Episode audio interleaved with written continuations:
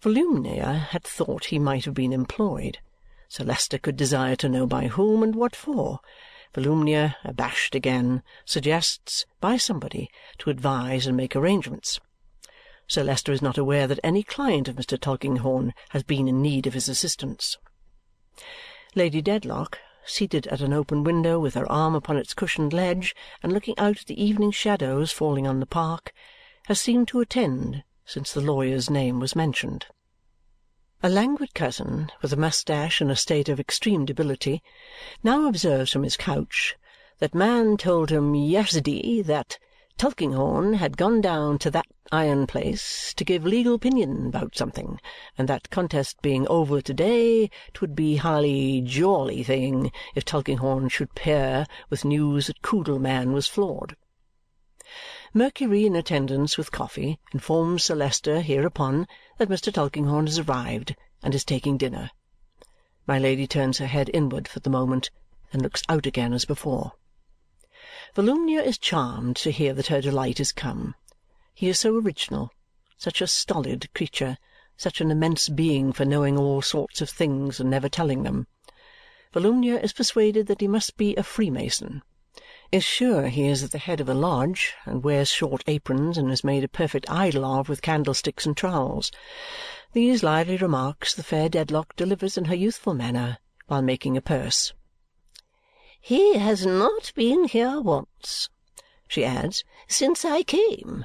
I really had some thoughts of breaking my heart for the inconstant creature. I had almost made up my mind that he was dead.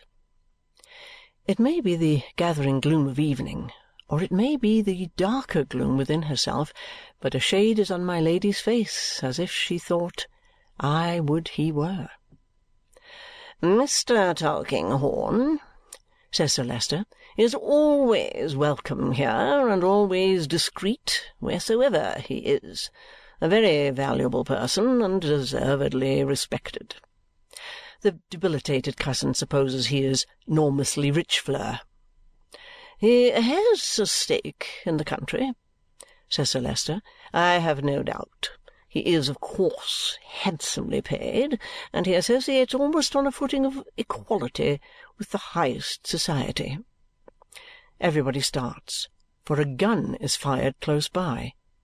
"Good gracious! What's that?" Cries Volumnia with her little withered scream. "A rat," says my Lady, "and they have shot him."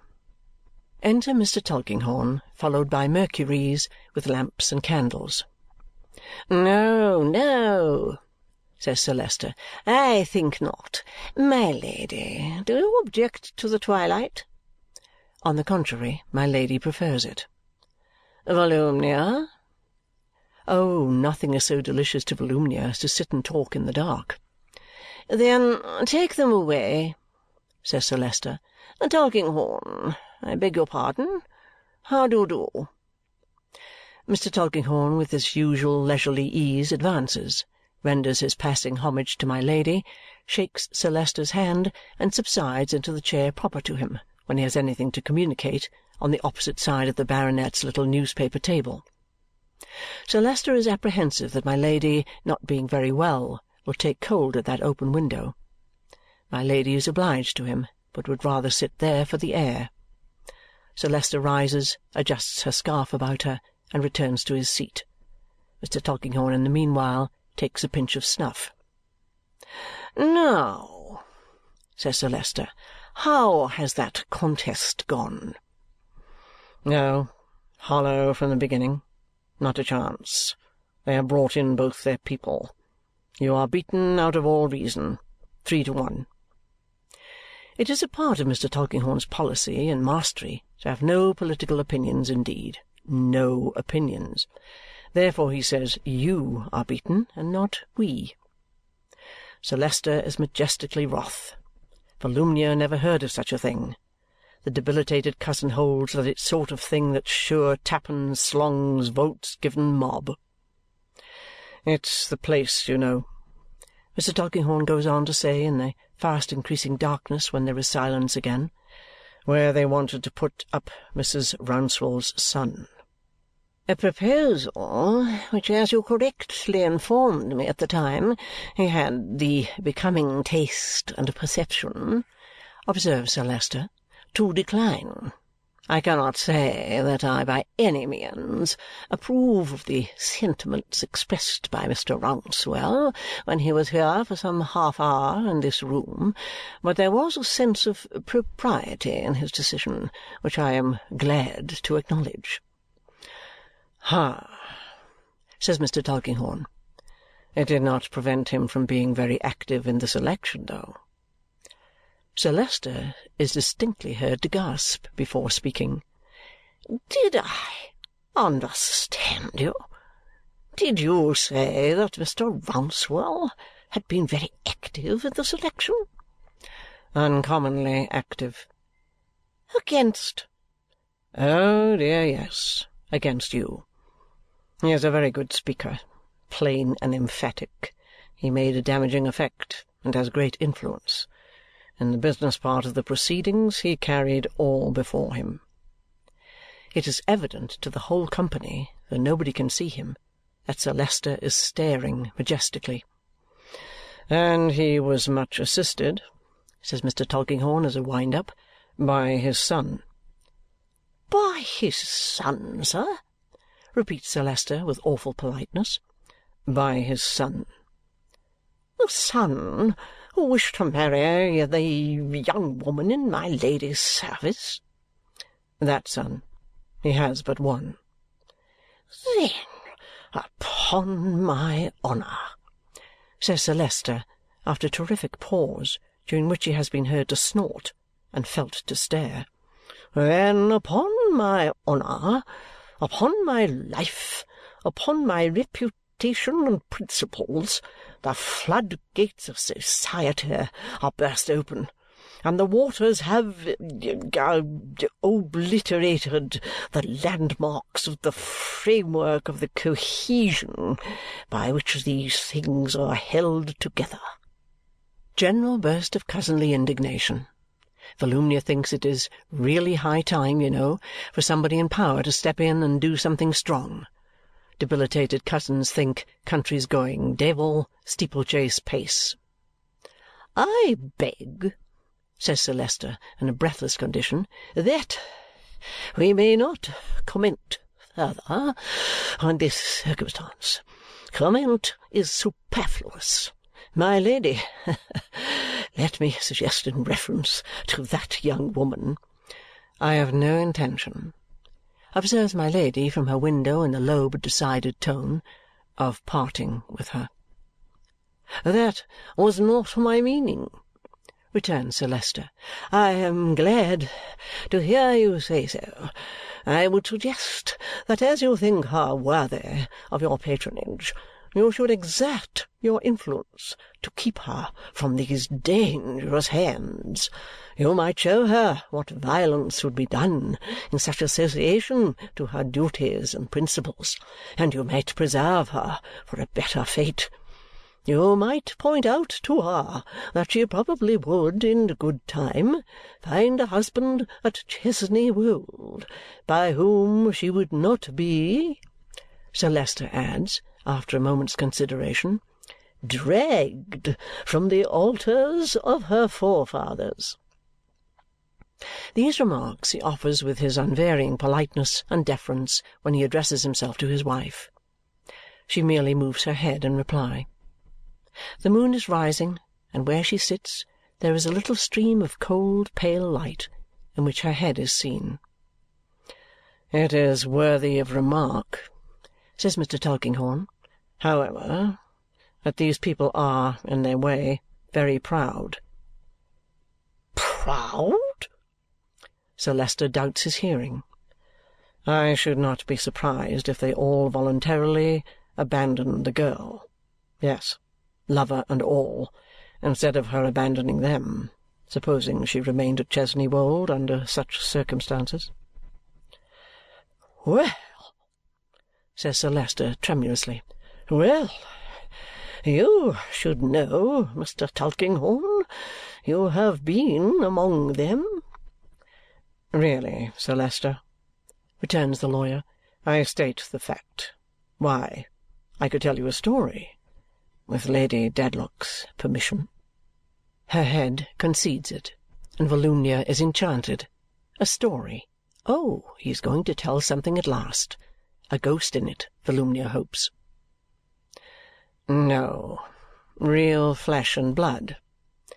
Mr. Tulkinghorn stops for an instant and repeats with some little emphasis grafted upon his usual monotony, "Real flesh and blood, Miss Dedlock.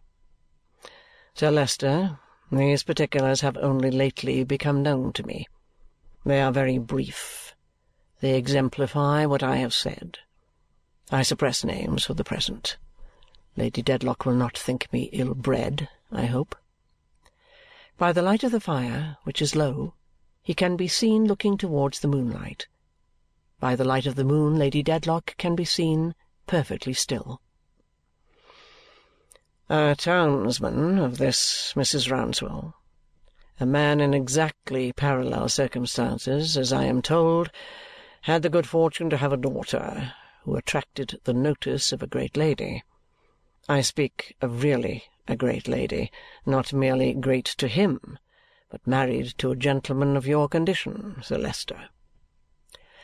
Sir Leicester condescendingly says, "Yes, Mr. Tulkinghorn," implying that then she must have appeared of very considerable moral dimensions indeed in the eyes of an ironmaster. The lady was wealthy and beautiful and had a liking for the girl and treated her with great kindness and kept her always near her. Now this lady preserved a secret, under all her greatness, which she had preserved for many years. In fact, she had in early life been engaged to marry a young rake. He was a captain in the army, nothing connected with whom came to any good. She never did marry him, but she gave birth to a child, of which he was the father. By the light of the fire he can be seen looking towards the moonlight. By the moonlight Lady Dedlock can be seen in profile, perfectly still. The captain in the army being dead, she believed herself safe. But a train of circumstances with which I need not trouble you led to discovery. As I received the story, they began in an imprudence on her own part one day, when she was taken by surprise, which shows how difficult it is for the firmest of us and she was very firm, to be always guarded. There was great domestic trouble and amazement, you may suppose.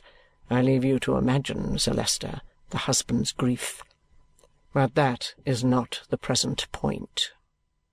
When Mr. Rouncewell's townsman heard of the disclosure, he no more allowed the girl to be patronized and honoured than he would have suffered her to be trodden under foot before his eyes. Such was his pride that he indignantly took her away, as if from reproach and disgrace. He had no sense of the honour done him and his daughter by the lady's condescension, not the least. He resented the girl's position as if the lady had been the commonest of commoners. That is the story. I hope Lady Dedlock will excuse its painful nature. There are various opinions on the merits, more or less conflicting with Volumnia's. That fair young creature cannot believe there ever was any such lady and rejects the whole history on the threshold. The majority incline to the debilitated cousin's sentiment, which is in few words, No business Rouncewell's fernal townsman. Sir Leicester generally refers back in his mind to Wat Tyler and arranges a sequence of events on a plan of his own. There is not much conversation in all, for late hours have been kept at Chesney Wold since the necessary expenses elsewhere began, and this is the first night in many on which the family have been alone. It is past ten when Sir Leicester begs Mr. Tulkinghorn to ring for candles. Then the stream of moonlight has swelled into a lake, and then Lady Dedlock for the first time moves and rises and comes forward to a table for a glass of water. Winking cousins, bat-like in the candle glare, crowd round to give it. Volumnia, always ready for something better if procurable, takes another, a very mild sip of which contents her. Lady Dedlock, graceful, self possessed, looked after by admiring eyes, passes away slowly down the long perspective by the side of that nymph, not at all improving her as a question of contrast.